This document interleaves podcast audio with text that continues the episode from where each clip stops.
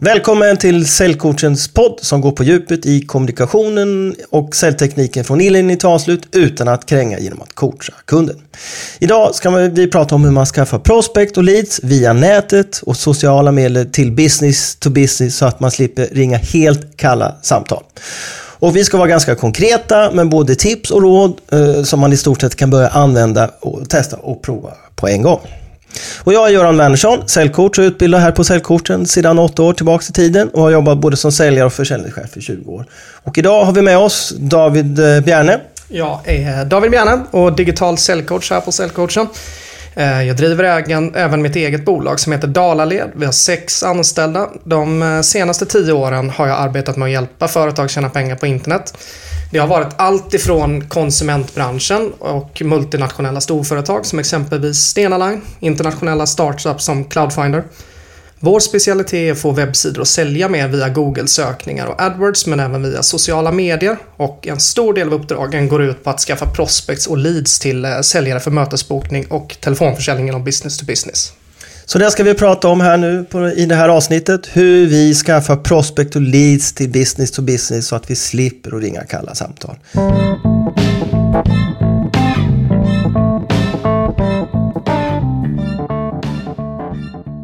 Innan vi går vidare på hur vi som säljare och försäljningschefer kan få lite hetare och lite bättre prospect att bearbeta så tänkte vi först att gå igenom de allra vanligaste metoderna eh, som man gör idag för att få prospect. Mm. Och David, min fråga är, är, hur ser det ut inom business to business idag? Är det vanligt att företag eh, skaffa prospect via nätet? Eller, eller hur, hur, ser du på det? Det är väl väldigt mycket från företag till företag och ganska lite från bransch till bransch kan man väl säga. Så att det finns mindre och lite mer snabbrörliga konsultföretag framförallt som har eh, korta beslutstider. De har varit snabba in på detta. Sen skulle jag väl vilja säga att eh, nej, i övrigt finns inte. Vad, va, va, vad, känner du själv, du som har varit ute och träffat hundratals företag i olika branscher? Ja, vi, vi på Säljcoachen vi utbildar säkert, som du sa, eh, företag från hundra olika branscher. Och, och nej, vi, vi, vi har samma känsla att det är väldigt få business-to-business-företag som jobbar strukturerat och kontinuerligt med prospect via näten. Utan det är precis som du sa, det är konsumentmarknadsföring som är otroligt duktiga. Ja. Men om man tar och tittar lite grann på hur skaffar säljare och försäljningschefer prospect sina säljare idag? Då har vi tittat på tre, fyra olika huvudområden. För det första så försöker vi hitta gratisadresser. Sen har vi betalningsadresser. Sen försöker vi hitta tvillingkunder. Och David, det finns något mer sätt som vi faktiskt eh, jobbar idag för att få prospect på? Ja, absolut. Alltså, genom någon form av e-annonsering. Google AdWords eller eh, banners annonsering och liknande. Och affiliate, eller affiliate är kanske mest på konsument? Det är mer konsument i alla fall, men det gäller ju egentligen allting. Att, att eh, 80 till 85 procent är antagligen eh, konsumentbranschen. För de ligger lite före? Ja, de ligger lite före. Och, eller ganska mycket före? Ja, ganska mycket före. Ja. Men du, om vi tar och backar bandet lite och så tittar vi på det här med, med gratisadresser. Och det får man idag ifrån Företagsfakta, eh, alla bolag är två vanliga källor. Och där kan man då faktiskt sortera de här på ganska många nivåer. På bransch, antal anställda, omsättningar, geografi och så vidare. Och så kan man exponera ner de här till Excel-akt. Det låter väl bra? Gratis och alla dessa eh, eh, sorteringsnivåer. Eller hur ser du på dem? Absolut att det är gratis är ju jättebra. Men, men det finns ju problem med, med eh, den här typen av sajter framförallt eftersom det är uppemot kanske till och med 30% fel i vissa branscher på eh, befattningar på adresser och så vidare. Då. Så det, det, är ganska, det är ganska dåligt uppdaterade register. Um, inga personliga namn för det mesta. Man kan hitta styrelsefolk men det innebär ju inte att man hittar någon man vill komma i kontakt med direkt. Ja, just det, så då måste man nästan alltid igenom eh, växelhäxan. Exakt. Och det kan vara ganska tufft. Det är ett projekt i sig. Ja, och så tittar vi på den andra gruppen där vi säljare och försäljningschefer också försöker få prospect ifrån. Nämligen att betala för betaladresser. Och det kan vara allt ifrån Bisnord, Nordicnet eh, och så vidare. Och, och, där har man några fler urvalskriterier och de kan kosta allt ifrån 2 kronor till 5 kronor beroende på hur många poster man köper. Eh, det är, väl någon... är det någon större skillnad på betaladresser och gratisadresser som du ser på det Dagen? Det är väl någonstans kanske genomgående samma problem som på gratisadresserna fast med bättre kvalitet. Och sen så får man väl även någonstans säga att det ligger väl lite hos beställaren med, skulle jag vilja säga. Eller vad, vad, hur tänker du där? Liksom att, ser, ser du några nackdelar med, med, eh, med köpta adresser liksom, kont- kontra gratisadresserna? Ja, eh, nej, alltså betaladresser är ju bättre. Det är oftast bättre kvalitet men det är fortfarande som du sa lite utav samma fel men kanske inte lika stora. Eh, risken är väl kanske också, eh, när man, man får ju ändå fortfarande chansa lite och risken är väl att man chansar ganska fel. Och att man inte gör de här testerna som man många gånger borde göra. Man kanske borde testa av tio branscher för att se vilken som funkar. Istället kanske man kör en bransch och så funkar det inte och så släpper man den biten. Och jag upplever i alla fall i det här sammanhanget att de flesta har ganska bråttom och köper då in ett ganska Ja. stor bulk från början. Utan att. Men en grundläggande negativ eh, negativ sak med betaladresser det är ju att man måste ju ändå kontakta dem kallt. Ja. Och det, det är samma sak så, som gratis eller betal. Ja. Och sen så tittar vi vidare på, på det här med banners och ändå lite elektroniska kampanjer och aktiviteter. Hur, hur, eh, är det så att vi har tröttnat på banners idag eller är det fortfarande på, ban, på konsumentsidan? Alltså, till, till viss del så har vi absolut tröttnat på banners för att det blir mer lättrörligt och, och det krävs att man tillför mer innehåll än vad man har gjort tidigare. Eh, det funkar bra till konsument i vissa branscher, exempelvis eh, resor och spel. Men, men i business to business så, så har man absolut sett att, att faktiskt konsumenten har tröttnat på det och att kostnaden har blivit klart mycket högre än tidigare. Och hur ser det ut med nya format? Har det hänt något eller har du stått, eh, stått kvar på samma nivå? Det är ju den utmaningen de står inför någonstans då, de här stora som Googles innehållsnätverk till exempel. Och att det tillförs nya format exakt hela tiden, nästan dagligen. Liksom, eh, för, att, eh, för att hitta någonting som funkar. Eh, det finns absolut nya annonsformat. Det blir också mer och mer pricksäkert. Man kan sortera mycket mer på, på intressekategorier och ja, remarketinggrupper och liknande till skillnad från tidigare. Då, så att, Och inom business to business, hur, hur duktiga är vi på att jobba med den här typen utav... Eh, jag skulle vilja säga att det kanske är mindre än en procent av marknaden. det är så lite? Ja, alltså. det är, det är extremt lite och nästan ingen är bra på det. Nej. Nej, vi, verkar, vi visar ju samma tendenser. Vi som håller utbildningarna, du jobbar ju mer med dig- digitala biten, men vi som håller utbildningar eh, och träffar som vi sa mellan 50 och 100 företag visar ju samma tendenser. Väldigt få som jobbar strukturerat med att få elektroniska eh, prospect helt enkelt. Och jag tror kanske att en, en, ett stort problem ligger i att konsumentbranschen är van med att ändra sig eh, från säsong till säsong och till och med kortare tid än så. Liksom. Eh, ser du på företag som Amazon och så vidare så byter de ju liksom innehåll veckovis mer eller mindre. Och det har ju nästan aldrig business to business-sidan gjort. Eh, Nej, och det utan kan vara det som krävs. Ja, det skulle kunna vara så. För vi ser en elkomponent, en tjänst, en produkt, de är lika. De förändras ju inte Nej, även om det är badväder eller om det är vintersäsong. Då. Eh, Men, men, men vi, vi, kan definitivt tror jag också bli duktigare på att tänka säsongsvariationer för vi är ju samma typer av människor ändå. Mm.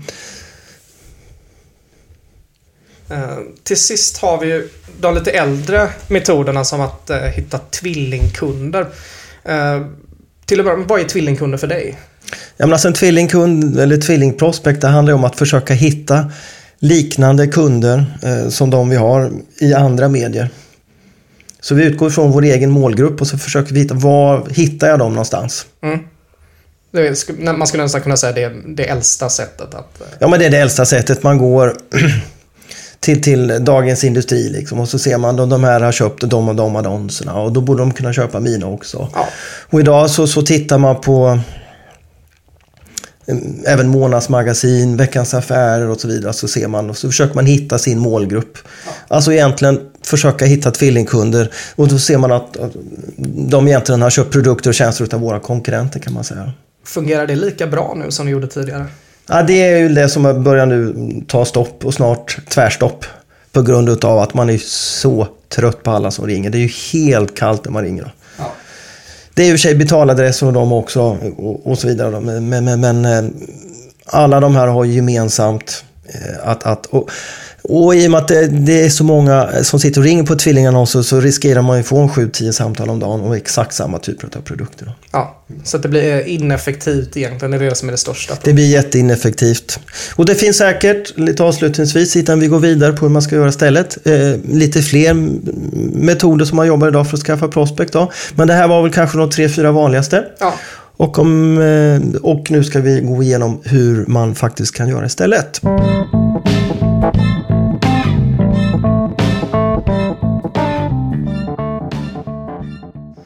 Sådär, nu ska vi prata lite grann om hur man... Eh, några konkreta prospektkällor helt enkelt med bättre kvalitet.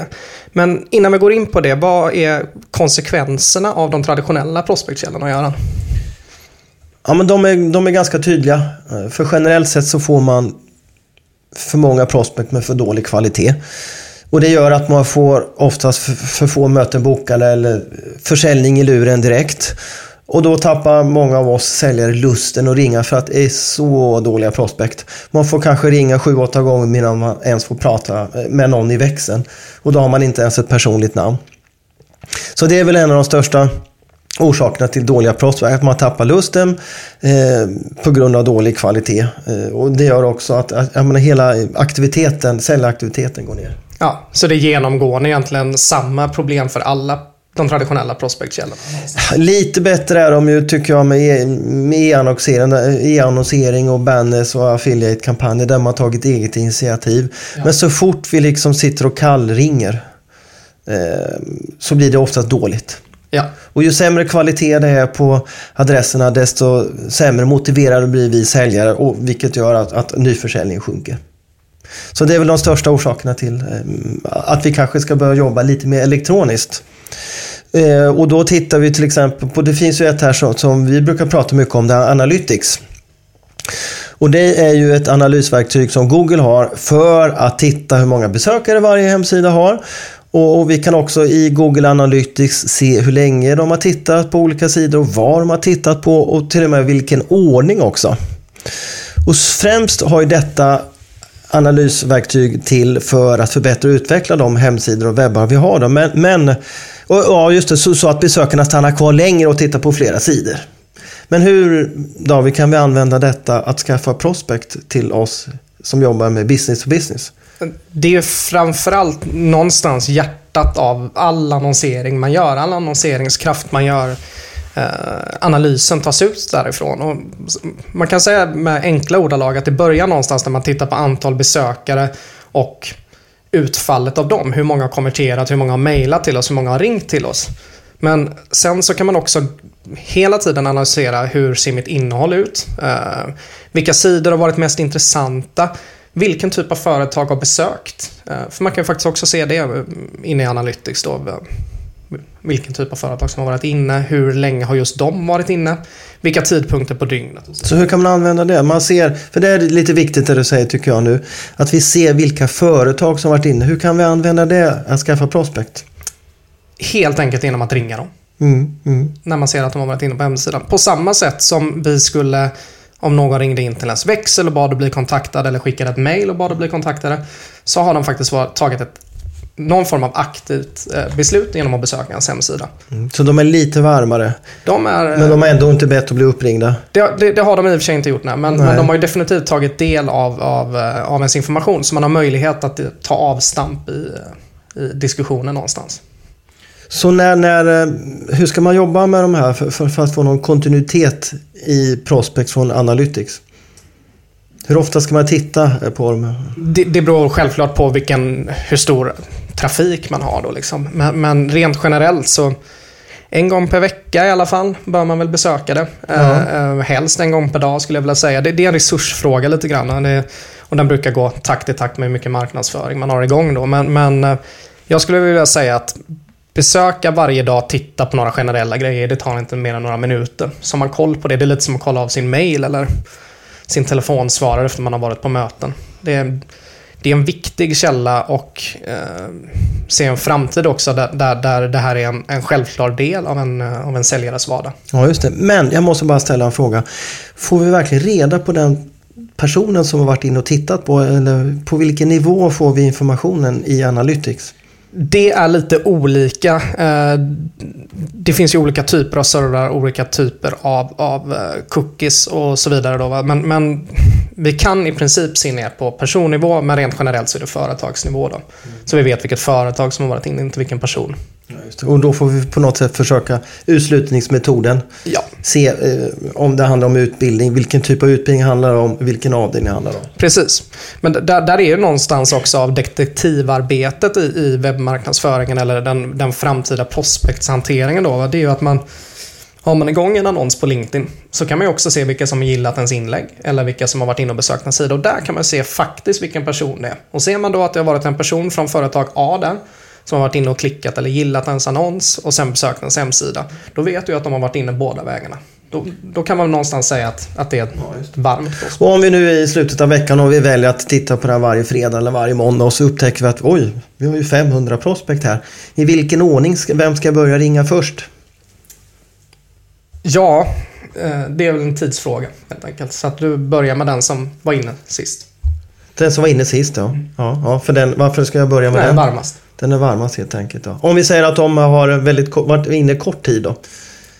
Eh, jag vågar väl säga att det finns olika typer av kunder. Men de som är inne väldigt kort tid utan att ha skickat ett mail eller klickat att jag vill bli kontaktad eller något liknande är nog inte intresserade. Nej, så, så de kan man utesluta? Man kan utesluta dem. Sen finns det kategori nummer två som är människor som vill söka sig till informationen och, och tillskansa sig den innan man fattar ett beslut. De har varit inne en längre tid.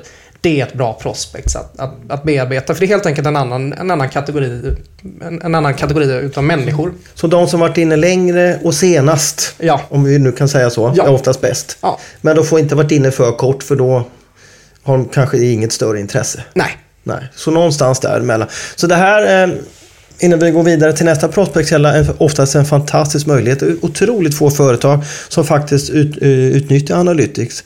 Gå in och titta varje dag eh, eller varje fredag och ni kan få allt ifrån 10 till 100 prospekt som är hyfsat heta och i alla fall intresserade av era tjänster. Mm. Och får man detta att rulla bra så är det ju också så att ju kortare tid det är mellan att kunden blir kontaktad och har besökt desto större chans. Ja, självklart. Ja. Så det rekommenderar vi. Att gå in och, eh, och Analytics är ett gratisverktyg. Skaffa det. Skaffa det helt enkelt. Och så går vi vidare med Facebook som ju har 1,2 miljarder användare. Men det är väl lite mer allmänt känt att det fungerar bra att annonsera konsumentvaror i. Eh, men, eh, men kan vi använda Facebook för business to business? Kort svar, ja. Ehm, jag är, jag är nästan förvånad att inte fler företag har börjat med det. För att alla deras kunder finns ju där. Ja, det är en vardaglig reaktion på Facebook. Det är vanligare med, med konsumentbranschen återigen. Men det är det ju överallt. Så att eh, definitivt, kunderna finns där. Kunderna finns där. Ja. Och förmodligen så kan vi kanske säga att utav de här 1,2 miljarder användarna så är det kanske en miljard som jobbar eller vad det nu kan vara. Säkert. Säkert. Mm, mm. Finns det några speciella branscher där som du har sett som fungerar just nu att man faktiskt kan få business to business prospect eh, via.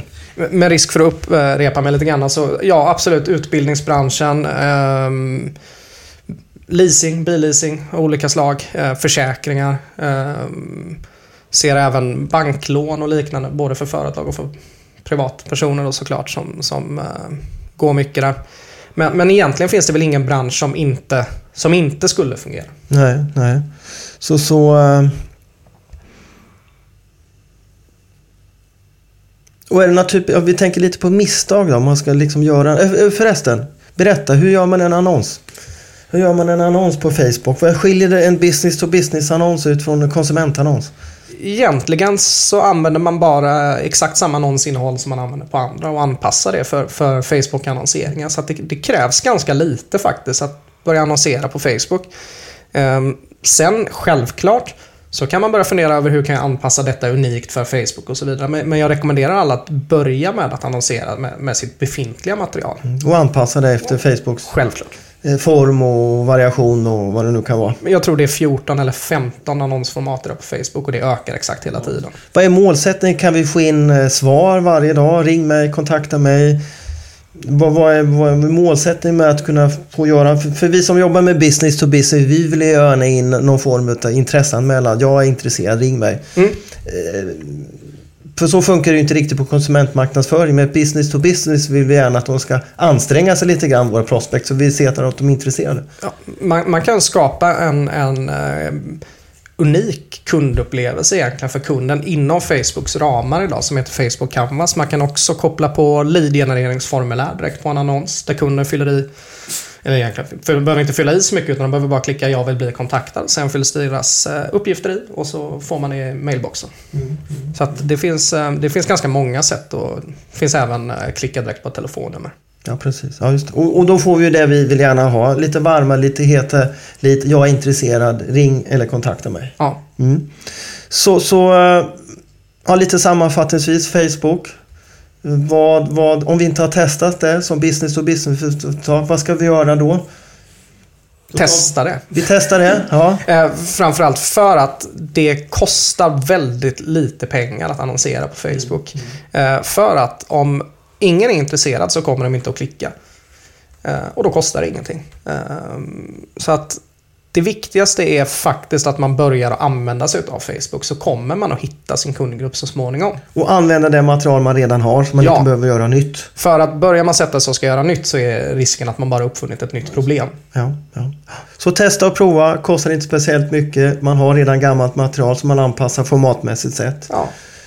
Och ni har garanterat personal som redan eh, vet hur man använder Facebook på privata sidan så det kommer funka alldeles utmärkt. Ja, så gå ut och testa det. Mm. Och sen går vi vidare på, på nästa, LinkedIn. Som ju har idag cirka 400 miljoner användare och det är ju känt som en stor databas för både företag och arbetssökande. Och det finns ett antal olika forum och nätverk so- som man kommunicerar i. Men samma fråga här David, kan vi få leads till business to business även via LinkedIn? Eller är det liksom, handlar det bara om att söka jobb eller hitta eh, sökande till, till, företag? Eh, självklart är, är ju LinkedIn superviktigt i, i rekryteringssyfte men har utvecklats till mycket större del i någon form av business to business nätverk för alla branscher. Oavsett hur stora eller små de är. Vad är den stora skillnaden här mellan Facebook och LinkedIn? Varför är den här mer intressant? Eh, det är en annan grej. Eh, för att man har möjligheten att kommunicera mer initierat. Man krävs kommunicera mer initierat. Man har lättare att, att selektera fram den målgruppen man har. Om vi antar att det är beslutsfattande personer i en viss bransch, i en viss region och kanske till och med en viss ålder eller människor med en viss utbildningsbakgrund och så vidare. Så det är lätt att selektera fram det. Så urvalskriterierna är en sak som är lite bättre, lite mera mm, enklare att använda. Man kanske kan hitta lite olika typer av målgrupper som man inte kan göra på Facebook. Ja, och framförallt så är det ju så att det är, det är fullt av människor som, som finns där av en anledning och det är att de vill nätverka kring, kring sin yrkesprofil. Så att hittar man sin målgrupp och, och jobbar mot den så finns de där av en anledning. Det är att de är intresserade. Och om man är inne på LinkedIn som privatperson, man blir inte irriterad att få business to business erbjudande. Verkligen inte, snarare tvärtom. Eh, Folk blir vansinniga så fort som det skrivs eh, någonting som rör eh, privata. Privatliv, så det är precis tvärtom. Så här finns ju också enorma möjligheter att testa och prova sig fram. Ja, verkligen. Och här tycker jag att man får inte vara rädd för att prata väldigt initierat om, om det man jobbar med. För det är en förutsättning. Finns det något som talar emot att man skulle kunna sälja eller eh, se om det finns intresse för olika IT-system. Vi pratar kemikaliska branscher, vi pratar verkstadsindustri. Finns det någon typisk bransch där man ah, men det här funkar inte? Nej, där, det skulle vara de som har en så liten kundgrupp att den är försvinnande. Skulle jag vilja säga. Men fördelen med LinkedIn jämfört med Facebook är ju faktiskt att man kan, att man kan selektera ner det på mycket mindre nivå. Ehm, För att skicka ut en annons som går till 2-3 tusen personer på Facebook är ganska meningslöst. eh, För att, att de ska vara aktiva samtidigt som annonsen ligger ute är, är liten. Så målgruppen måste vara någorlunda stor. Och, Det måste den. och är ens målgrupp inte inne på LinkedIn så, så är det ju ingen större eh, idé helt Nej, enkelt. precis så är det. Fast samtidigt har jag gjort kampanjer på LinkedIn för kanske 800-900 personer som har varit framgångsrika. Så att det beror ju på hur många leads behöver man och så vidare. Och vilken typ av kampanjer funkar? Är det annonser? Är det text? Video? Vad funkar på LinkedIn? Och, och, lite olika kan- man väl säga där också att eh, den största aktiviteten på LinkedIn idag är eh, forum och nätverksdelen då, där folk skriver om vad de jobbar med och beskriver det noggrant. Så att, att, ens, att man som säljare är själv aktiv i de yrkesnätverken, de, de största yrkesnätverken som rör det man jobbar med, eh, är viktigt. Eh, för det är där man visar på sin egen professionalitet och bygger sitt namn. Ehm, Men annonseringsmässigt så, så eh, finns allt ifrån enkla textannonser eh, till, till mer beskrivande långa texter och så vidare. Mm. Så egentligen inga begränsningar. Inga begränsningar. Man kanske kan göra samma sak med Facebook. Man tar det material man har och anpassar. Definitivt. Men lite mer initierat. Ja, Eftersom man är intresserad av sin egen karriär. För att bli bättre, bli skarpare på det man gör och kanske... mitt tips brukar vara att den presentationen man brukar ha när man är ute på kundmöten, att man ska försöka plocka ut innehåll till LinkedIn ifrån den. Ja. Mm. Och vad kan det kosta ett leads här? Allt ifrån 5 till 500 kronor kanske. Ja. Det är beroende på bransch. Som sagt, eh, annonser som jag har gjort där det har varit en kundgrupp på 900 personer så får man kanske buda rätt högt. Ja, för det finns konkurrens just i den. Det är Ja. jättemånga som vill ha kontakt med VD med bolag med 5000 anställda och uppåt. Ja. Mm. Mm. Så LinkedIn, även där eh, vi er testa och prova. Också ganska lätt. Ta det material ni har. Se vilka urvalsmöjligheter som finns.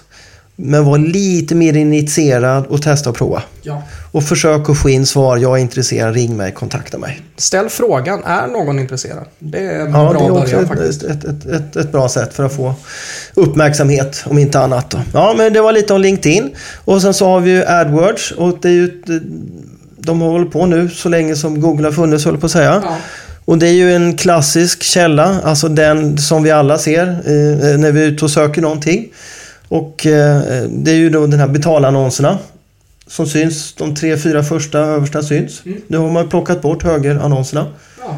Så nu finns det de tre översta här och det är en fruktansvärt snabb källa. Man, man är uppe på mindre än en timme.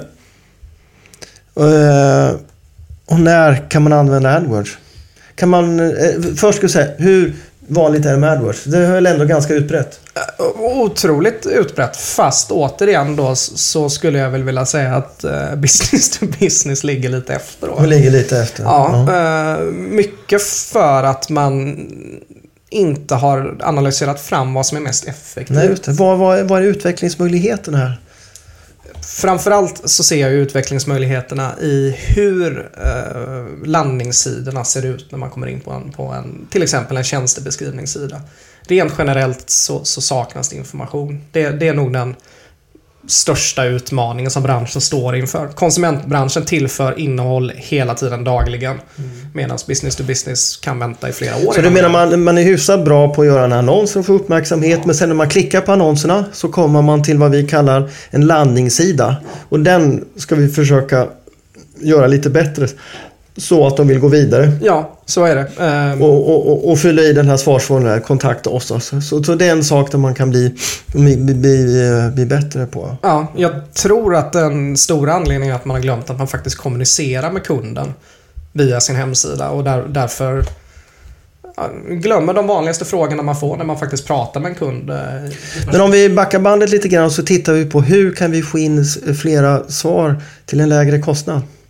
Ja, där finns, där finns jättemånga sätt att göra det på. Till att börja med så, så kan du i princip spendera hur mycket pengar som helst på Google AdWords idag. Nästan i alla branscher. Men du kan ändå ha kontroll över hur mycket pengar. Precis. Hur kan man ha kontroll? Du kan sätta en eh, daglig budget eller en månadsbudget, väljer du själv självklart. Eh, Du kan också sätta en klickbudget.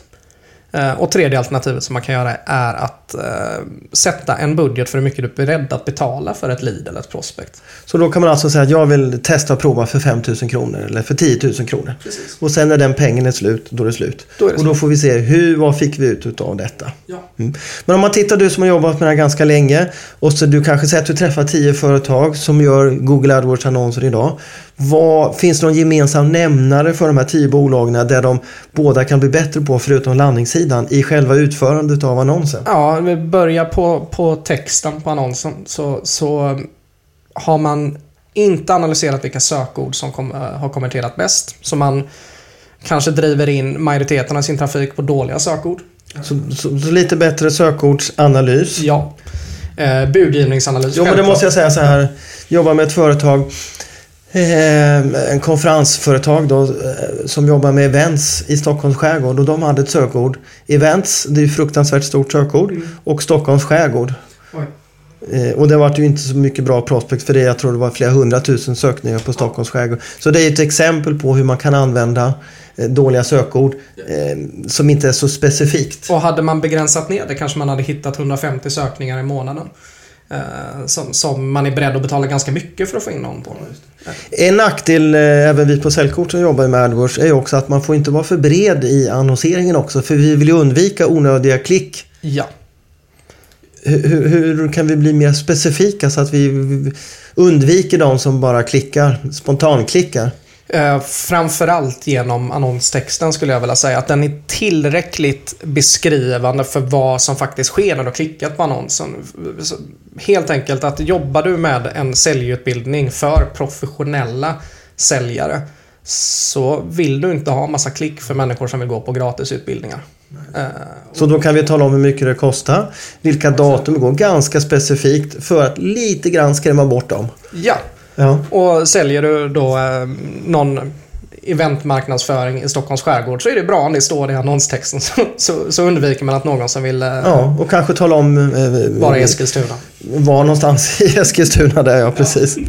Ja, om, de, har- om de har någon eh, skärgård här då. Eh, ja, största nackdelen med AdWords, vad kan det vara? Största nackdelen med AdWords är att det är så extremt mycket sökningar på allt hela tiden. Eh, att, att det kan kosta väldigt mycket pengar och det kan ta tid att analysera fram rätt sökord som faktiskt konverterar och ger en kunder. Eh, det, det, det, är en, det är det svåra egentligen med AdWords och det går det är väldigt svårt att säga innan exakt vad det är. Så det är någonting man får, får dra lärdom av själv. Så om vi säger nu att man vill eh, testa och prova det här med AdWords. Och eh, nej, men jag vill testa 10 000 kronor. Vad ska man tänka på? Ska jag satsa allting på en enda annons? Ska jag ha flera annonser? Finns det något upplägg här så att jag har... Jag tycker att man, man ska titta på den produkten eller tjänsten som, som är kärnan i ens verksamhet som absolut säljer bäst. Eh, och sen så ska man nog fundera lite grann på, på, på, på vad man eh, själv hade sökt på när man är ute. För det, det ligger ofta i linje med, eh, med vad som kommer att fungera. Eh, sen är det en väldigt viktig del eftersom det är en stor grupp som besöker ens hemsida, den största gruppen som besöker ens hemsida, gör ju aldrig någonting. Utan de behöver påverkas ett antal gånger innan det händer någonting överhuvudtaget. Och då finns det något som heter remarketing. Eh, och där sparar man helt enkelt eh, kundens unika IP-adress eller cookies. Då. Det ser ni säkert varje gång när ni besöker en hemsida. Så klickar man OK på den. Eh, samma sak när du besöker på mobiltelefonen. Eh, så att när de sen är ute och slösurfar på sin nyhetskälla eller något liknande då, så kan man nå ut till dem igen med, med information i form av antingen bildannons eller videoannons eller textannons. Ja, just det. Mm. Så att man, man eh, testar eh, kanske tre olika annonser, eh, tre olika sökord. Och sen utnyttja sin befintliga kundgrupp genom remarketing. Och så gör man en remarketingkampanj när man går in på någon annan sida. Så får man en påminnelse helt enkelt av samma sak. Ja.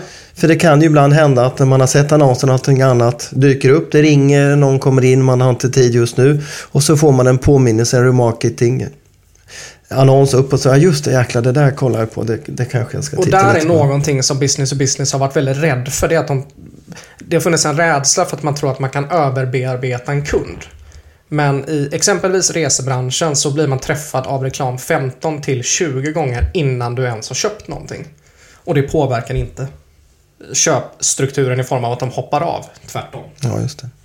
Så lite sammanfattningsvis om Facebook så handlar det väldigt mycket om att testa och prova. Mm. Var väldigt konkret. Gör kanske tre olika typer av annonser. Fundera på vilka sökord man gör för att hitta era hemsidor som ni, eh, för de företag ni jobbar för och kanske använda samma eh, sökord eh, när man ska göra en annons. Och testa det här med remarketing, en påminnelse efteråt. Och försvinnande, höll jag på att säga, men otroligt... Man kan bli överraskad positivt, för det är faktiskt väldigt få som utnyttjar alla de här faciliteterna. Man gör en annons och så ligger de kvar. Ja, någonstans så ligger ju den totala potentialen i allt. Den blir mest intressant. I, i branschen kallar man det för cross-platform. Alltså folk besöker Innan de gör ett köp så kommer de via telefonen, via iPad, via datorn. Man söker på Google, man sitter på Facebook, man läser på Aftonbladet och lyckas man fånga in en kund på alla de källorna så ökar chansen markant till att de i slutändan blir en kund. Det påverkar mycket mer än vad man faktiskt tror. Man sitter inte och tänker hela tiden att man vill köpa Coca-Cola för att man ser reklamen, men Nej. den påverkar en ändå när man är törstig.